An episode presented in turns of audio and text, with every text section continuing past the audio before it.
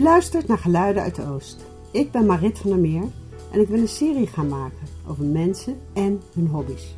Zeker in deze coronatijd ben ik zelf meer met mijn hobby's bezig geweest. Piano spelen, tekenen en ik ben een cursus podcastmaker gaan doen. En het interesseert me eigenlijk hoe mensen met hun hobby's omgaan. Wat betekent het voor ze? Hoe verhoudt het zich tot hun werk? Zijn ze ambitieus of is het alleen maar iets voor erbij? Vandaag ga ik naar mijn schoonzusje en buurvrouw. Ze is sinds een paar jaar met pensioen en heeft zich nu intensief gestort op haar hobby keramiek. Iets waarvan ze vroeger hoopte dat ze haar beroep ervan kon maken. Ik vind dat zij fantastische dingen maakt en ik wil graag meer weten over het proces en ook wat het voor haar betekent. Het is een mooie zondagmiddag en we zitten bij haar in de woonkamer. Ik heb je uitgelegd, Cathy, dat we, ik een podcast wil maken over hobby's en ook een beetje over hoe verhouden werk en hobby's zich tot elkaar. Misschien is het goed als je even iets over jezelf vertelt. Um, ik ben Catherine Hodgkin, zoals Marit zei. En wij wonen vijf huizen uit elkaar, dus we zien elkaar veel. Ik ben Engels, dat hoor je waarschijnlijk uit mijn accent. Maar ik woon al 40 jaar in Nederland bijna. En inmiddels ben ik ook een Nederlandse burger. Ik heb tot mijn 66 gewerkt. En nu ben ik sinds kort met pensioen. Ik werkte in ontwikkelingssamenwerking als uh, volksgezondheidsspecialist. Dus ik werkte heel veel met mensen die in AIDS-programma's werkten of bezig waren met vrouwengezondheid. En dat over de hele wereld. Ja. Dus ik heb een druk loopbaan achter de rug. Met veel reizen? Heel veel reizen. En weinig tijd voor hobby's, neem ik aan. Weinig tijd voor alles.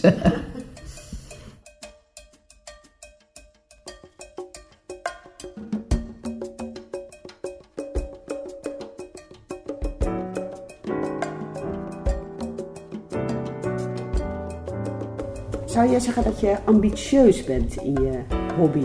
Ik wil beter worden en ik wil technisch beter worden en ik wil mooiere dingen maken en ik wil het beter kunnen. Het is een ambitie die ik voor mezelf heb, eigenlijk niet een ambitie in de buitenwereld. En hoe bepaal je of je beter wordt? Nou, je merkt dat je beter wordt in dingen. Je ziet het in het resultaat.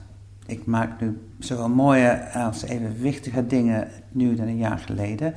Ik geef mezelf uitdagingen. Dus de ene dag zeg ik, ik moet zes dingen maken die dezelfde zijn. Zes mokken, zes kommen en dan moeten ze identiek zijn. Een andere keer zeg ik, ik moet iets groters maken. Uh, dan heb je twee of drie of vier kilo klei op je wiel. En dat is hard werken. Um, dus, dus beter is een mengsel van technisch beter en mooie, een artistiek mooie. Het is heel zelden dat ik iets maak waarvan ik denk van... dit is precies wat ik wou maken, maar dat is ook wel leuk.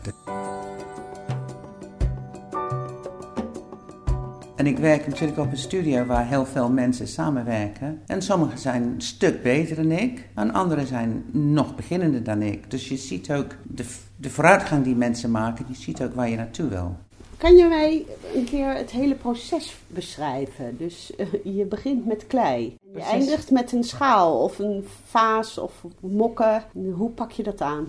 Het proces van het draaien van een pot, ja. Nou, je begint met een homp klei. En eerst moet je dat echt kneden, zodat alle lucht uit de klei is. Want lucht, als je het uh, verwarmt, ontploft. Dus dat is een manier om potten kapot te maken in de kiln. Dus je moet een lucht... De kiln is de uh, oven, De oven, ja. Dan, als het klaar is, maak je een soort bolvorm van. Die zet je op de wiel. En de moeilijkste ding is om te zorgen dat je klei perfect centraal op de wiel staat. Dus je doet dat met hoge tempo en met best wel veel kracht moet je zorgen dat je een perfecte ronde hompklei op de wiel hebt, helemaal in het midden. En waarom is het belangrijk dat dat zo in het midden ligt? Anders alsof het is of je een steereffect hebt op je wiel. Maar dan moet je de hele tijd worstelen met de klei. Een perfecte gedraaide pot is rond. En je kan het alleen maar omhoog trekken als hij helemaal centraal staat op de wiel. En het gekke is het, om het in het midden te krijgen, je moet eigenlijk gewoon zorgen dat jij echt tot stilte komt zelf met de wiel. Want als je de klei om het wiel heen volgt, dan gaat hij steeds verder van het centrum. Dus je moet eigenlijk gewoon heel gefocust naar een middenpunt zoeken. En dat kan je blind doen, want anders uh, ben je afgeleid door de vibratie. Maar hoe meer klei op de wiel hebt, hoe moeilijk het is. Ja, dat lijkt me ook. En het, is, het is een soort verstilling, maar met een enorme kracht. Ja, het is een, ja, zeker als je iets groots maakt, heb je best wel kracht nodig. En je hebt in ieder geval veel uh, stabiliteit nodig. En als dat gelukt is? Dan voel je het niet meer. Dan, dan voel je dat dat ding stil is, hoewel het heel snel rondgaat. Met je duimen maak je dan een gat in de bovenkant en die gaat naar beneden. En dan trek je de klei langzaam omhoog. En dat doe je twee of drie keer. En je moet proberen dan zodat de muren van wat je maakt uh, gelijk dik te hebben. En dat het ja, langzaam omhoog gaat. En op het eind bepaal je de echte vorm. En als je hebt ongeveer de, de dikte van de muren die je wilt, dan kan je het vervormen tot een, een meer open kom of een meer bolle vaas of zo. En, en laat je je dan ook inspireren op dat moment? Dat je denkt, hé, hey, maar dit gaat gewoon een vaas worden? Of heb je dat toch al wel een beetje in je hoofd als je bezig bent? Nou, meestal weet je ongeveer wat je doet als je begint, want dat bepaalt hoeveel klei je hebt en hoe oh, brede bodem je hebt. Maar soms verandert de plan. Soms gebeurt iets, je denkt, oeps, ja. uh, nou, dan maak ik wat anders van. Of, uh, ja, dat begrijp ik. En dan, dan is hij klaar, dan ben je tevreden. Hij is niet klaar. Nou nee, is zeker niet klaar natuurlijk, maar deze vorm is klaar. Ja, wat, wat je dan hebt is een mooie vorm, maar met een soort modderige bodem zonder vorm. Dus je moet wachten dan 24 uur of een paar dagen. En dan zet je het ondersteboven op de wiel om de onderkant ook af te maken. Daar ga je hem voor de eerste keer bakken. Hoe harder je het bakt, hoe steviger de pot is. En dan ga je met een glazuur. Glazuur is eigenlijk een soort vloeibare glas. En dan pak je hem nog een keer met een hete. En die vloeibare glas, dat wordt dan ook glas. En dat smelt dan in die tweede En dat smelt. En in plaats van een soort matte, verfachtige kant heb je een sterke glazuur pot met verschillende kleuren. En we hadden het erover dat je eigenlijk wel steeds beter wordt en ook denkt van nu wil ik dit bereiken. Is dat bakken en het maken van de potten en het glazuren, is dat voor jou één ding? Of, of ben je daar ook in een soort proces bezig? Nou, de eerste jaar toen ik begon, toen dacht ik van ik wil ook echt concentreren op het draaien. En ik heb me niet heel veel energie in het glazuren gestopt. En nu ben ik meer tevreden over wat ik kan draaien. Dus nu besteed ik ook iets meer energie aan de glazuur. Want het is eigenlijk wel een vak apart. Lijkt me echt leuk ook, glazuren. ja, ik vind mooi glazuur heel leuk. Ik vind het niet leuk om te doen. Het is heel makkelijk om een pot te verpesten door te, ja, verkeerde glazuur of te dik of te dun. Dus daar op ieder moment in het bakken van een pot en het maken van een pot zijn er dingen die mis kan gaan. En um, daar moet je ook tegen kunnen als je keramiek leert. Want in eerste instantie gaat het mis op de wiel. En in de tweede instantie gaat het mis uh, als je En in de derde instantie kan het ontploffen in de kiln. Of iemand anders heeft een pot die ontploft in de kiln.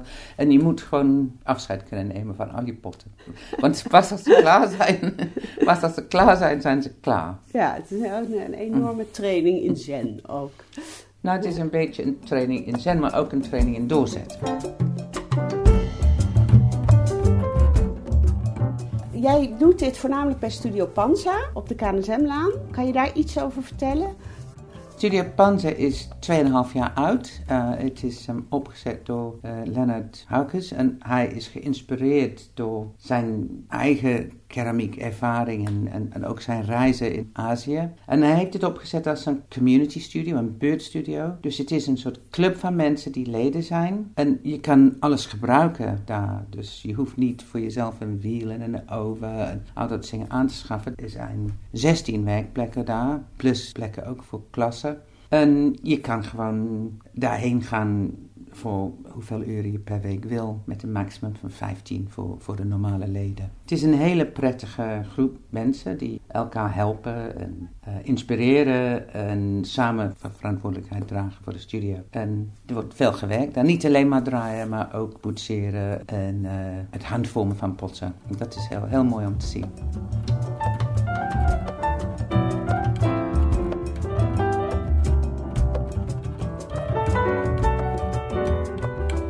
Ik heb het gevoel dat op het moment er ook heel veel aandacht voor uh, pottenbakken is. Ik hoor het zelf in mijn omgeving van veel mensen die beginnen of het al een tijd doen het heeft mij altijd geïnteresseerd. Maar toen ik eerst naar Nederland kwam, vond ik het heel moeilijk om goede pottenbakkers te vinden. Er is een fantastische inschel op Schellingwaardendijk, maar Joke de Heer, die heeft mij altijd uh, enorm geïnspireerd. Maar het was niet alsof je op iedere hoek een, uh, een pottenbakstudio had. En, dat is nu bijna wel zo. Het is een, er is een veel meer belangstelling voor Je ziet het ook in restaurants. Veel meer restaurants hebben mooi gemaakte spullen. En ik denk dat dat hartstikke goed is. Echt een soort revival.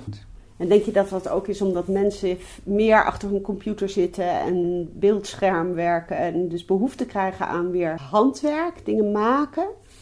Misschien, en misschien heeft het ook iets met duurzaamheid of met. Uh, um, ja, ik denk dat inderdaad veel mensen zoeken een beetje van uh, hoe kunnen wij zorgen dat spullen om ons heen mooi zijn en uh, voor altijd en niet weggooien dingen van de blok of de HEMA. Of, het is ook een soort rijkdom natuurlijk, want het is toch duurder om een uh, handgemaakte pot te kopen dan een mooie pot van de HEMA. Dus het is ook een soort luxe object. En als je nou denkt, lijkt mij hartstikke leuk om te doen, maar ik heb dit nog nooit gedaan. Hoe zou je dit aanpakken? Dan zou ik bij Studio een tastercursus doen. Een eendagscursus of een uh, vijfdagscursus. Een, een taste. Oh, een, taste. Een taste. Om, gewoon een proef. Ja. Ze noemen dat Maar het is eigenlijk een soort dat je de smaak te pakken krijgt van is het iets voor mij? En je kan dat doen in handvormen of in draaien. En dan voel je de klei en denk je van oeh, dit is lekker. Of sommige mensen denken van jakkes, dit is vies. Vond vroeger altijd zo erg als het onder mijn nagels kwam, maar misschien nu niet meer. Nou, als je echt uh, op cursus gaat, dan knip je je nagels heel kort. want, want, anders wordt alles niet alleen maar vies, maar het, het verpest je potten ook. Ja. lange nagels en draaien gaat niet samen.